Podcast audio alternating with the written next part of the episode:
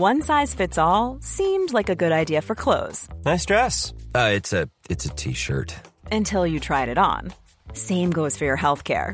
That's why United Healthcare offers a variety of flexible, budget friendly coverage for medical, vision, dental, and more. So, whether you're between jobs, coming off a parent's plan, or even missed open enrollment, you can find the plan that fits you best. Find out more about United Healthcare coverage at uh1.com. That's uh1.com.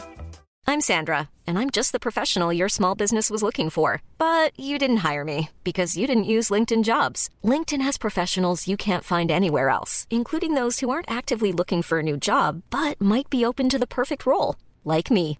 In a given month, over 70% of LinkedIn users don't visit other leading job sites. So if you're not looking on LinkedIn, you'll miss out on great candidates like Sandra. Start hiring professionals like a professional. Post your free job on linkedin.com/people slash people today. Hey, I'm Ryan Reynolds. Recently, I asked Mint Mobile's legal team if big wireless companies are allowed to raise prices due to inflation. They said yes. And then when I asked if raising prices technically violates those onerous two-year contracts, they said, "What the f*** are you talking about? You insane Hollywood ass."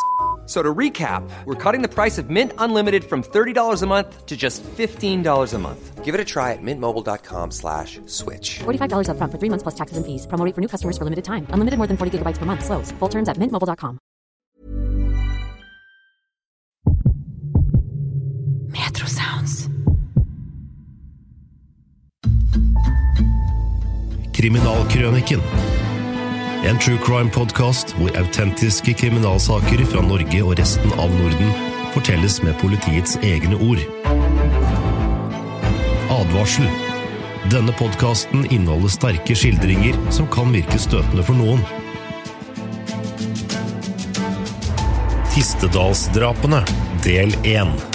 Denne episoden er bygget på en tekst av journalist Frank Kiel Jacobsen, Halden, 1991 og 1992. Tistedalsdrapene i 1991 og 1992 lamslo ikke bare innbyggerne i det lille tettstedet i den sørøstlige kroken av Norge. Denne kriminalsaken, en av norgeshistoriens mest grusomme og omfattende, fikk en enorm mediedekning og rystet avislesere og TV-tittere over hele landet. Fire forsvarsløse mennesker drept i en omkrets av noen få hundre meter rundt sitt eget hjem og i sitt eget nærmiljø av en mann som selv bodde der og som kjente dem alle. Dette var ikke hverdagskost.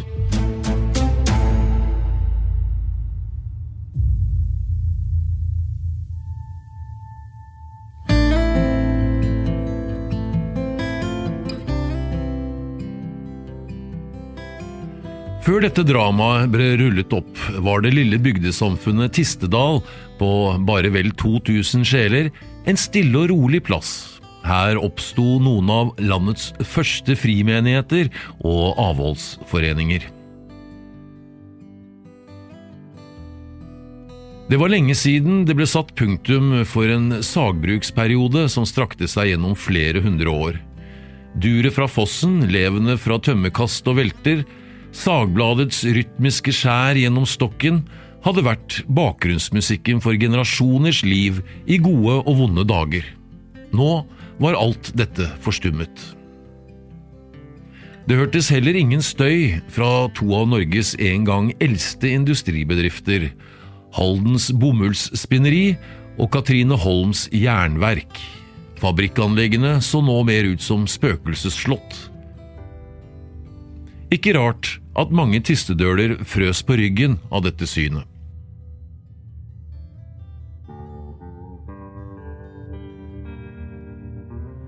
Midt i denne fredelige og noe søvnige bygda bodde 50-åringen Tor Inge Vatne i Bjerkelundveien 17, i et hus han selv hadde bygd. Han var født og oppvokst på tettstedet.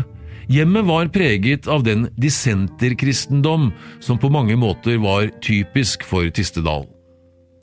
Foreldrene deltok hyppig på religiøse møter rundt omkring i de forskjellige forsamlingslokaler, og de sørget tidlig for å innprente enebarnet Tor Inge en streng moral. Tor Inge var ikke kristen selv, men han levde et liv preget av flid og orden.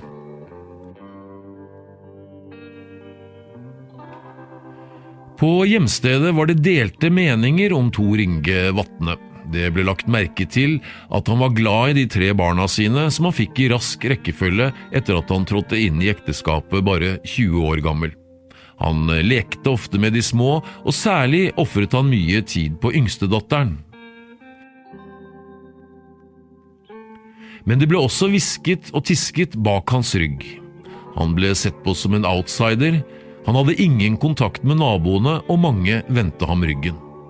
Han hadde ord på seg for å være en stabeis, arrogant og med et farlig temperament. En ensom ulv var han, som ofte var å se på sykkel innover skogen. Disse turene kunne vare i opptil fire timer, og de ble foretatt til alle døgnets tider. Man fant det merkelig at Tor Inge ofte ruslet ut på sein kveldstid da andre i Tistedal gikk til ro for natten. Verre var det at han var den eneste i nabolaget med en kriminell fortid. I 1976 ble han dømt og fikk sone 15 dager for et større sukker- og meltyveri som han foretok som sjåfør for et grossistfirma i Halden. Dette heftet ved ham siden. Bare et fåtall i Tistedal hilste på ham, og han valgte gradvis å isolere seg fra omverdenen. Av mange ble Tor Inge etter dette kalt mel- og sukkerkongen.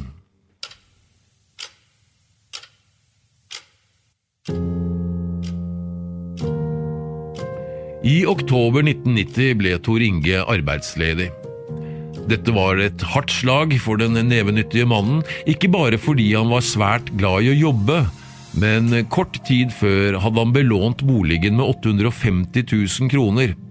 Nå sto han plutselig med en nettoinntekt på under 100 000 kroner. Tor Inge hadde alltid selv styrt familiens økonomi. Kona fikk aldri innsyn i hans pengesaker, han fortsatte å leve som før til tross for at han var blitt et gjeldsoffer. Regningene hopet seg opp, utgiftene var langt større enn det han klarte å betjene med sine månedlige trygd. Etter hvert gikk det fortvilte i situasjonen opp for ham. Han var havnet i en økonomisk hengemyr. Men hvordan komme seg ut? Han begynte så smått å bli desperat.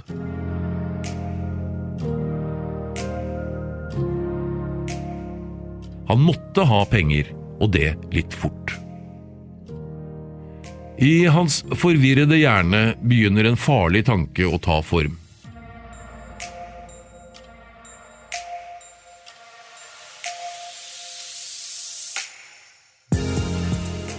Han vet om noen mennesker som er stinne av penger. Alle i Tistedal kjenner til at den 71 år gamle pensjonisten Nils Åge Borge er god for flerfoldige tusen.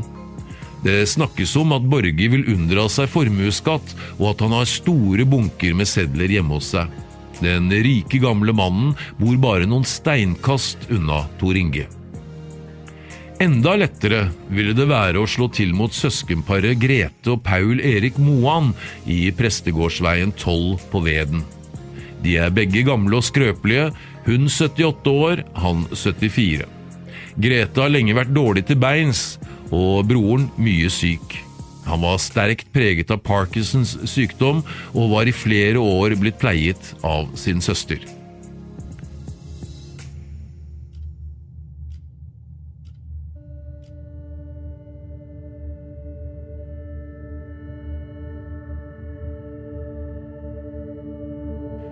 Tor Inge Vatne kjente søskenparet godt. Moren hans hadde sydd for Grete, og han hadde flere ganger vært oppe i Prestegårdsveien og levert ferdige plagg. Det var synd å si han ble hjertelig mottatt. De to gamle levde for seg selv og ville helst ikke slippe noen innpå seg. Det var ofte med nød og neppe at han slapp innenfor døren og fikk overrakt pakken fra moren. Søskenparet Moan bodde i et gammelt kråkeslott av en sveitservilla beliggende i en dump nedenfor Prestegårdsveien og godt skjult bak tette, høye grantrær. Det var så dårlig innsyn at ukjente som passerte, ikke engang la merke til at det lå et hus der. Altså ideelle forhold for et ran.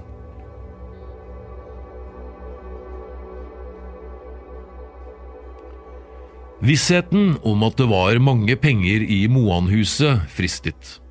I Tistedal snakket man om søskenparets sparsommelighet. Men de hadde ingen tiltro til bankene. Pengene gjemte de i villaen. Rundt om i huset lå det mange tusen kroner skjult i blikkbokser, ble det sagt.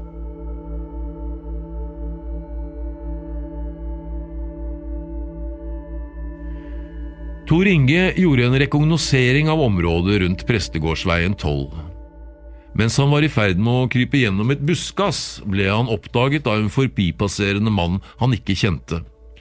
Da mannen spurte om han hadde mistet noe, sa han at han lette etter bikkja. Den eh, forsvant inn her, forklarte han. Du finner den nok, sa mannen og gikk videre. Dette lille intermessoet gjorde ikke noe inntrykk på Tor Inge. Han hadde tatt sin beslutning. Om morgenen den 3. september 1991 setter han seg på sykkelen og tråkker den to kilometer lange veien opp til Prestegårdsveien. Han er kledd i joggedress, på beina har han Mefisto-sko og i lommen en kniv.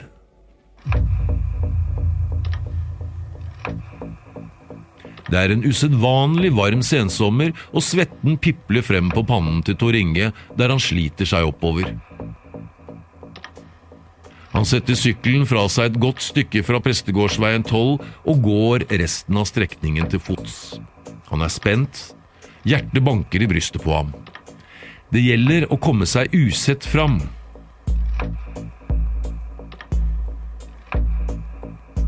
Dette er dristig, han vet det. Men Prestegårdsveien er folketom på denne tiden av dagen. Det er heller ingen å se i hagene eller bak vinduene i husene.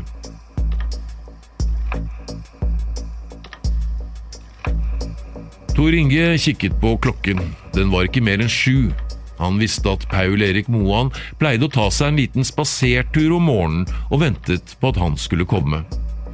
Først etter en time dukket 74-åringen opp og forsvant bortover veien uten å legge merke til Tor Inge, som hadde trukket seg i skjul. Tor Inge lister seg mot huset til søskenparet. Radioen står høyt på, og han banker på et par ganger uten å få svar. Så går han inn den ulåste døren, gjennom gangen til kjøkkenet. Derfra fortsetter han inn til stua, der Grete Moan setter i et forskrekket skrik da hun får se ham. Ut! Ut! roper hun med gråtkvalt stemme. Da Tor Inge ikke gjør tegn til å flytte seg, løper hun mot utgangen. Hun kommer ikke lenger enn til kjøkkenet før han innhenter henne og kjører kniven hardt inn i ryggen hennes tre ganger. Den gamle damen blir også knivstukket i halsen. Han bøyer seg over henne der hun ligger på gulvet og tørker blodet av drapsvåpenet på baksiden av den blå kjolen hennes. Da hører han en lyd bak seg. Paul Erik er kommet tilbake. Lamslått av synet som møter han, legger den gamle, syke mannen på flukt. Men skrøpelig som han er til bens, går det ikke fort. Ved enden av bakken opp fra huset, et par meter fra Prestegårdsveien og redningen, når Tor Inga ham igjen. Her blir 74-åringen utsatt for samme brutale behandling som søsteren. Flere dype knivstikk i ryggen, utført med stor kraft.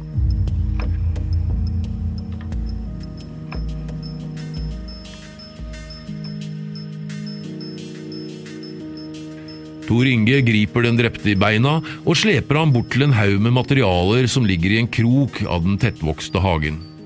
Der skjuler han liket under en bølgeblikkplate og går inn i huset igjen. Her leter han etter penger. På kjøkkenbordet ligger en pengepung med 5000 kroner, og et annet sted i villaen kommer han over en kakeboks som er dyttet full av sedler, nærmere 100 000 kroner. Han blir i huset en 20-25 minutter, så forlater han ubemerket åstedet via naboens eiendom.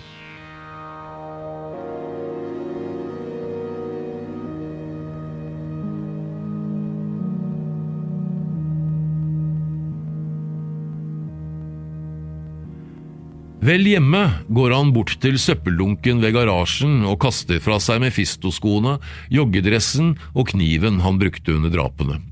Noen timer senere tar han med seg en bunke regninger som for lengst er forfalt, og går bort til Tistedal postkontor. Her skyver han nærmere 20 000 kroner gjennom sprekken i ekspedisjonsluken og får kvitteringene tilbake. Han retter ryggen og puster lettet ut. Nå kan han holde kreditorene på avstand en stund til.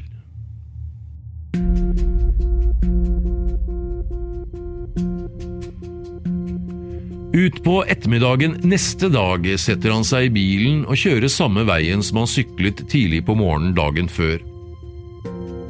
Nå skal han hente yngstedatteren, som går på Asak skole. Idet han svinger ned Torpedalsveien, kaster han et blikk oppover Prestegårdsveien. Der ser han politibiler, sperringer og et stort oppbud av folk. Uroen har ennå ikke sluppet tak i ham. Vil politiet i løpet av dagen komme og banke på døren i Bjerkelundveien 17? Den 72 år gamle pensjonisten Stig Hjalmar Moan bor i Ilaveien 7, ikke mange hundre meter fra hjemmet til barndomskameraten Paul Erik Moan. Onsdag 4. september, dagen etter de grufulle rovmordene, er intetanende Stig Hjalmar på vei til Prestegårdsveien 12. Han tar med seg noen salver fra apoteket som han hadde lovet å kjøpe for Grete da han besøkte søskenparet for to dager siden. Det går ikke fort med ham, han er dårlig til beins og tar seg god tid. Han er lettet da han endelig er fremme, og gir det avtalte bankesignalet på døren, men ingen svarer. Merkelig, søskenparet er jo bestandig hjemme. Han banker på igjen uten at noen kommer. Han kjenner på døren, den er åpen. Han går inn og roper et 'hallo' uten å få svar. Han aner uråd og går videre innover mot kjøkkenet. Her blir han møtt av et skrekkelig syn. Midt på gulvet ligger Grete Moan livløs i en stor blodpøl med kjolen gjennomhullet av knivstikk. Stig Hjalmar blir en stund stående, lamslått.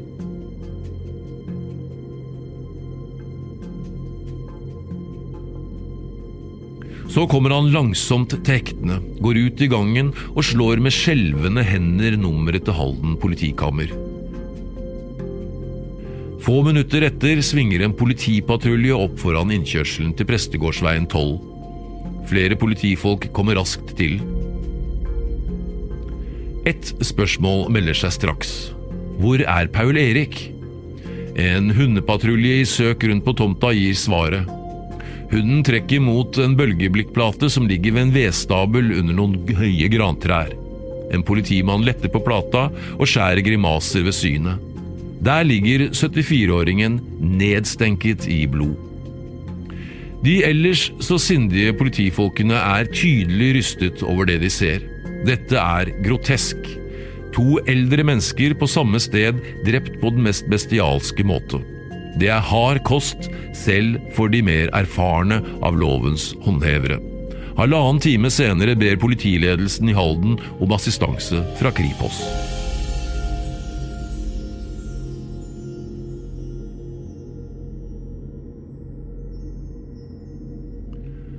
Det store oppbudet av politifolk og det rødhvite plastbåndet som er trukket rundt drapsstedet som avsperring, pirrer nysgjerrigheten til folk i nabolaget. Stadig flere skuelystne samler seg i Prestegårdsveien. Det siver fort ut hva som er skjedd. Søskenparet Moan er myrdet. Også disse to gamle, fredelige menneskene som alltid holdt seg for seg selv, som ikke gjorde en flue fortred, som alle bare hadde godt å si om, som umulig kunne ha noen fiender, hva i all verden var det som hadde hendt? Det varte ikke lenge før mediene fikk nyss om dramaet i Prestegårdsveien. Så strømmet det til som insekter mot lyset. Halden Arbeiderblad, VG, Dagbladet, NTB. Snart hørtes også småfly som kretset over området. Det var rekvirert av en av de store løssalgsavisene som ønsket å luftfotografere drapsstedet og de nærmeste omgivelsene. Mens det knitret i fotografenes kamerautløsere, forsøkte journalisten å pumpe politifolk og naboer for detaljer. Et dobbeltdrap. Her hadde man en god sak, en pangsak. Men det gjelder å slå konkurrentene, skaffe frem opplysninger og grufullheter som de andre ikke har.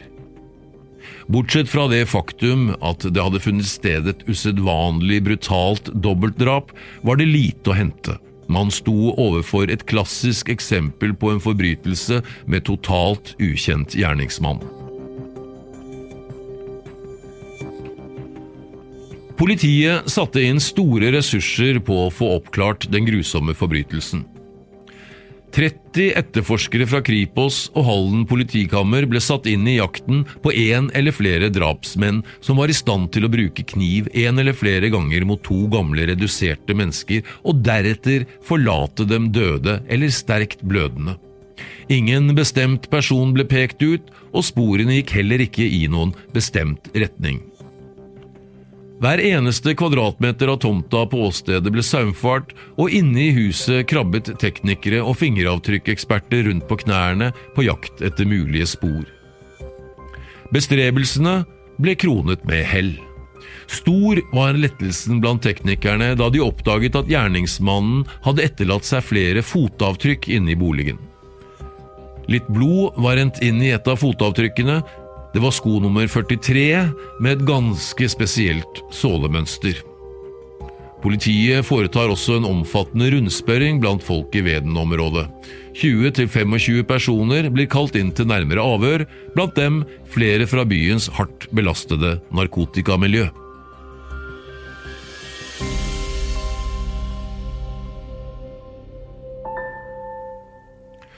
Uhyggestemningen senker seg over den ellers så fredelige og bortgjemte grenda. Frykten herjer. Eldre folk er redde for å gå ut. Bedre blir det ikke da det kommer meldinger om to mystiske innbrudd som er foretatt omtrent samtidig med at drapene fant sted. Ingen er pågrepet. Kan det være rovmorderen som har vært ute igjen? Når vil han slå til neste gang? Og hvor? Etter 300 avhør og flere tusen arbeidstimer leter politiet fremdeles etter ledetråden som skal føre dem til drapsmannen. Man sjekker stadig folk og biler ut av saken, men gjennom avhørene kommer nye observasjoner inn. Innbyggerne i Tistedal er utålmodige i jakten på morderen. Enslige eldre tør ikke sove alene hjemme etter de grufulle drapene. Tistedølene er sikre på at gjerningsmannen må være lokalkjent. Ingen må fortelle oss at Moan-søsknene var tilfeldig valgte ofre for en omstreifende morder og raner. Alle i Tistedal vet at de hadde mange penger liggende hjemme, og huset deres i Prestegårdsveien er det eneste det går an å angripe uten for stor risiko for å bli tatt, sier en nabo.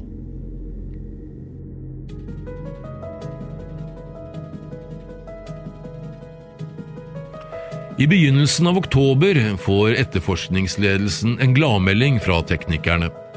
Det er funnet ferske fingeravtrykk på en dørkarm i villaen i Prestegårdsveien.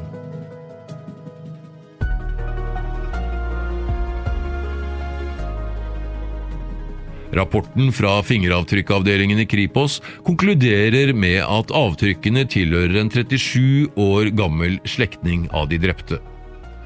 Mens etterforskningen i startfasen rettet seg mot det kriminelle miljøet i Halden, kan det altså være i Oslo drapsmannen er å finne.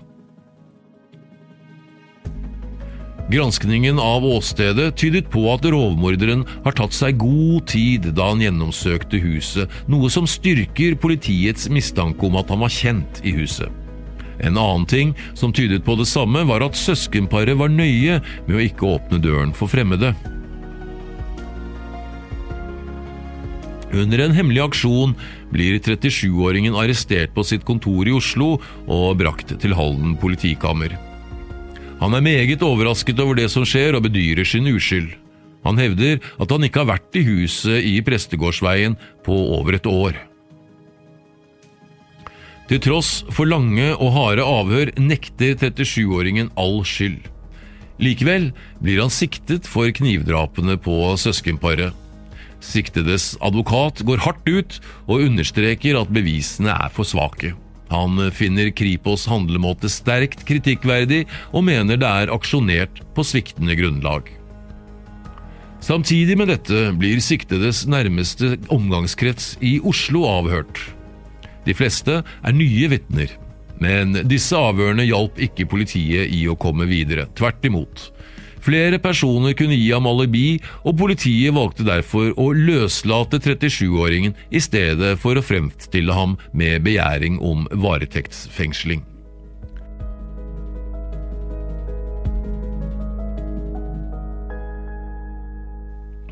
Avgjørelsen om å slippe slektningen av søskenparet fri satt langt inne, men politiet ville ikke gå med på at dette var et tilbakeslag i deres arbeid for å finne morderen.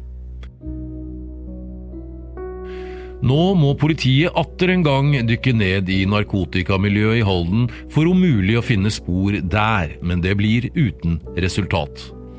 To måneder etter drapene er 700 personer avhørt i saken, og til sammen 2000 mennesker i Halden-distriktet er kontaktet. Flommen av tips begynner å avta, og etterforskerne må finne på noe som kan vekke folks oppmerksomhet. Man går ut i pressen og forteller hva slags sko drapsmannen hadde på seg under ugjerningen. Samtidig blir det utlovet 25 000 kroner i dusør, gitt av en privatperson som belønning til den som gir opplysninger som fører til løsning av dobbeltdrapene.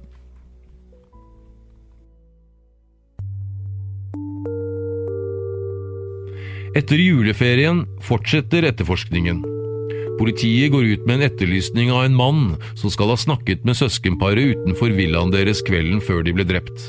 Mannen utelukker ikke at dette kan være morderen. I begynnelsen av januar får saken en dramatisk vending. En kvinne fra det hardt belastede rusmiljøet i byen dukker uventet opp på Halden politikammer og forteller at det er en av hennes bekjente som står bak dobbeltdrapet. Han hadde oppsøkt henne om natten, minst tolv timer etter forbrytelsen.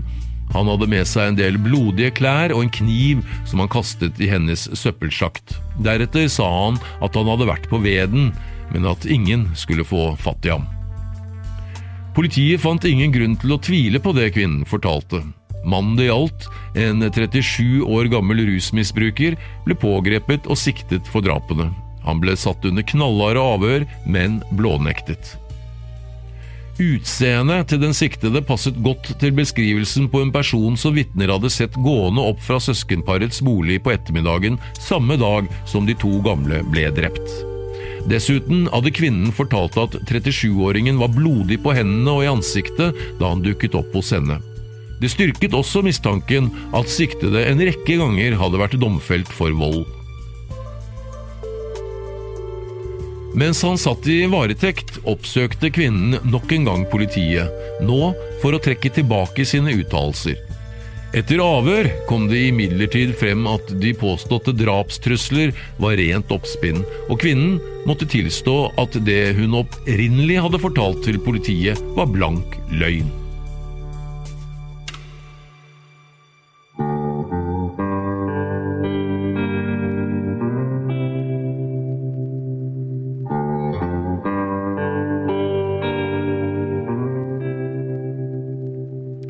Tidlig om morgenen, onsdag før skjærtorsdag 15. april 1992, sitter Tor Inge Vatne i Bjerkelundveien 17 og legger planer. Han har fulgt godt med i det avisene har skrevet om dobbeltdrapet på Veden. Han hadde klippet ut artiklene og gjemt dem godt vekk.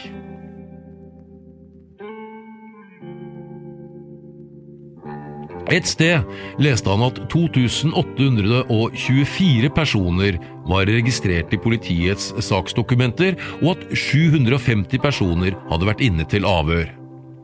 Politiet hadde hele tiden lett i blinde, og Tor Inge ble lettet da han så en melding i avisene om at Kripos nå ga opp. Det var uklart når drapssaken ville bli gjenopptatt. Han følte seg derfor trygg, men uten å tenke over det var han samtidig blitt offer for en gammel sannhet. Den som først har begått en forbrytelse, kan fort falle for fristelsen til å gjenta en ugjerning. Pengene for dobbeltdrapet var for lengst brukt opp. Bunken med regninger var tykkere enn noensinne. Den økonomiske situasjonen er rett og slett prekær. Han må ha penger. Han fattet en farlig beslutning. Han bestemte seg for et ran. Det vil være for risikabelt å slå til i Tistedal. Halden Sparebanks filial i Glenneveien 14 er midt i blinken. Den ligger et godt stykke unna og betryggende langt fra politikammeret. Ved en eventuell alarm vil han ha gode muligheter til å komme seg vekk før politiet var på plass. Han har alle detaljene klare. Nå setter han seg på sykkelen og tråkker av sted. Etter en snau halvtime stopper han og setter fra seg sykkelen. Han ser seg godt omkring før han fra sykkelvesken trekker opp en termojakke og termobukser i samme farge, pluss en blå, strikket finlandshette og et par beige sveisebriller. Han plukker også frem en sort plastpose. I den eh, ligger en 16-kalibret hagle av Leach-typen, med det dobbelte løpet saget av. Han går inn i et eh, skogholt og tar på seg utstyret. Så setter han kursen mot banken. Klokka er litt over halv elleve da han med ladet hagle stormer inn i ekspedisjonslokalet. Fire kunder i det trange lokalet trekker seg forskrekket tilbake da han baner seg frem. Han retter hagla mot de to kvinnene bak skranken og roper Fort, sa jeg! Pengerne i posen! Sett fart!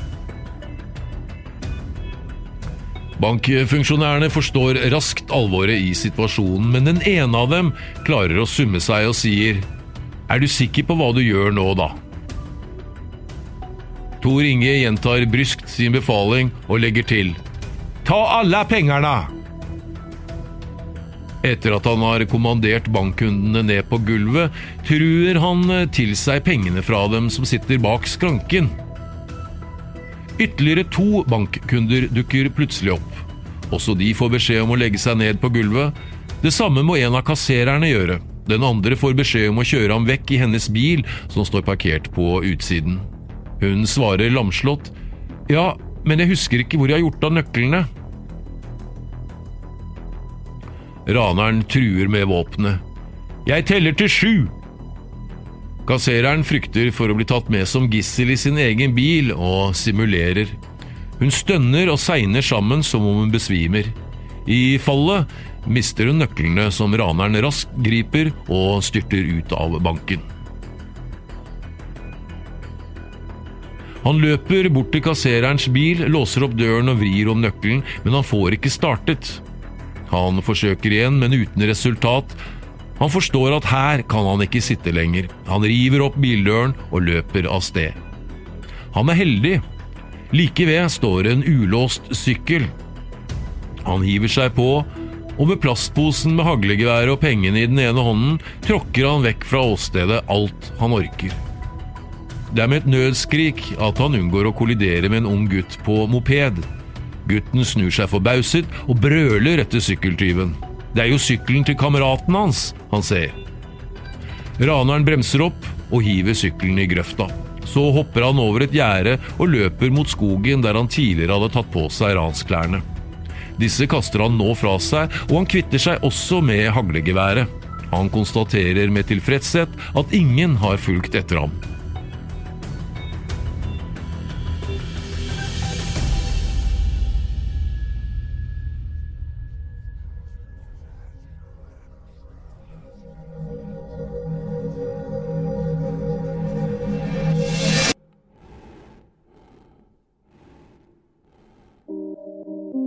Etter å ha ligget i skjul en tid, putter han posen med pengene inn på brystet og begir seg hjemover.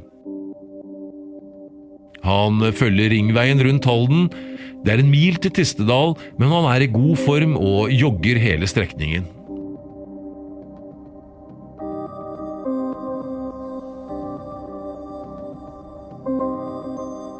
Vel hjemme går han inn i garasjen og teller over utbyttet. 82 400 kroner.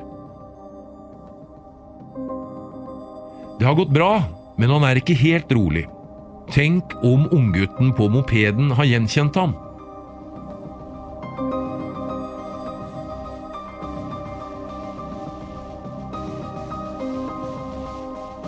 Dagen etter henter han sykkelen som han hadde satt fra seg før bankranet. Deretter reiser han på påskeferie sammen med familien.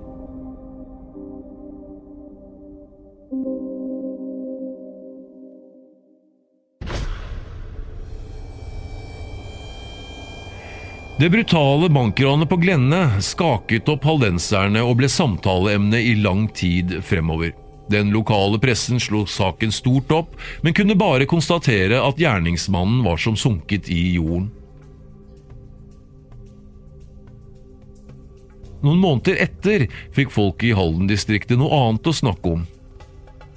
Den 71 år gamle pensjonisten Nils Åge Borge i Tistedal var sporløst forsvunnet. Ingen forsto hva som hadde hendt. Det var et mysterium. Store letemannskaper fra politiet, Røde Kors og Sivilforsvaret trålet skogene rundt Tistedal, og helikopteret sveipet over området. Halden politi søkte bistand fra Kripos. Med et uoppklart dobbeltdrap på det lille tettstedet ser man ikke bort fra at det her kan være en sammenheng. Man utelukker heller ikke den mulighet at Nils Åge kan ha fått et illebefinnende på en av sine mange turer i skogsterrenget ved Tistedal, eller at han hadde tatt sitt eget liv. Det ingen kjente til, var det dramaet som utspilte seg i hagen til Nils Åge om morgenen 1.9.1992.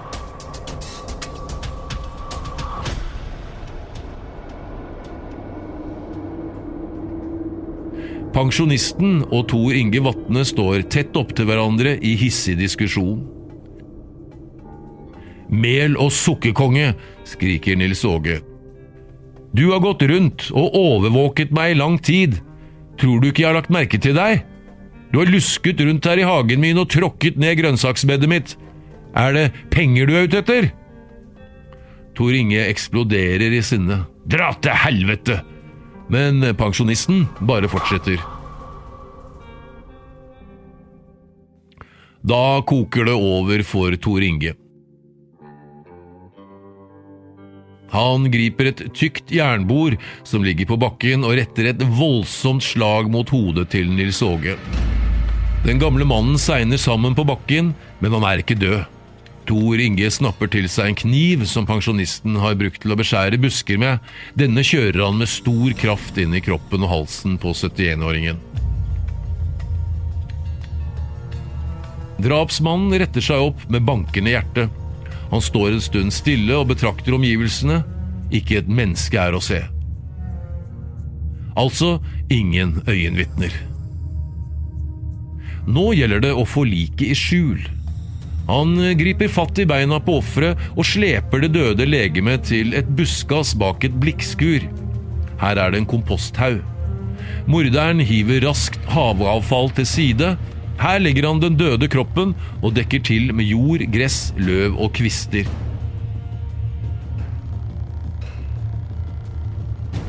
Han vet at det må være penger i huset. På kjøkkenbordet finner han en lommebok med flere tusen kroner. Han roter også rundt i andre rom, men finner ingenting. Han går ut, tar sykkelen til Nils Åge som står ute i hagen, og tråkker den korte veien hjem til Bjerkelundsveien. Her setter han fra seg sykkelen i garasjen. Så går han inn i stua, plukker frem de eldste regningene han har liggende og går bort til postkontoret og betaler med de pengene han nettopp har kommet i besittelse av. Tor Inge vet at han må kvitte seg med sykkelen til drapsofferet. Han dekker den til i en tilhenger og kjører over grensen til svigerforeldrenes bolig i Sverige. Her gjemmer han sykkelen og drar hjem igjen.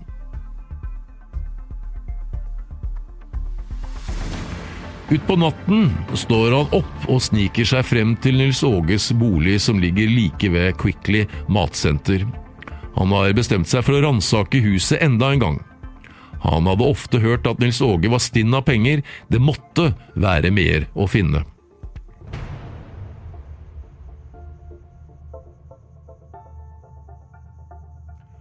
Han gjennomsøker villaen, leter høyt og lavt. Under sengen på soverommet finner han et haglegevær, og på et bord i første etasje kommer han over bilnøklene til pensjonisten. Nå får Vatne en idé. Han vil plante et blindspor.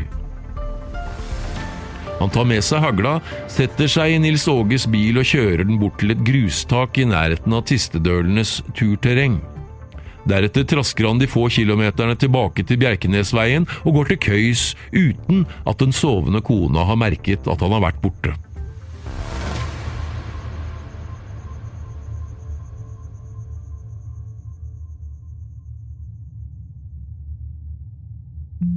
Politiet trapper opp letingen etter at bilen til Nils Åge er funnet. Man finkjemmer også boligen hans, og finner mange tegn på at pensjonisten er forsvunnet ganske plutselig. Sengen står uoppredd, og på kjøkkenbordet står middagsmat som skulle tilberedes. Slektninger av den forsvunne pensjonisten oppdager også at haglegeværet ikke ligger der det pleier. Det er et sjeldent våpen som det ikke fins mange av. Man ser også at sykkelen hans er borte. I eh, Tistedal sprer det seg rykter om at Nils Åge i lang tid har følt seg overvåket av Tor Inge Vatne. Småbysladder eller ikke, Tor Inge blir innkalt til politiavhør. Vil Tor Inge bli avslørt når han nå må møte til avhør, og vil politiet klare å koble ham til det bestialske dobbeltdrapet på søskenparet Grete og Paul Erik Moan, og ranet av Halden Sparebank? Svaret får du i del to av Tistedalsdrapene. Hør den nå!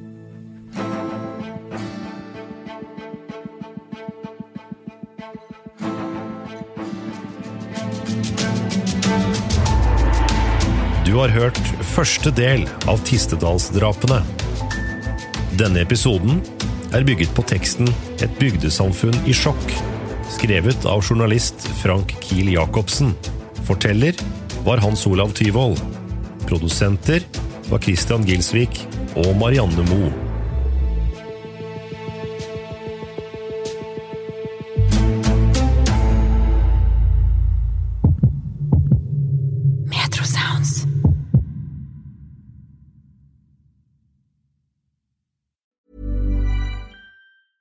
Planning for your next trip?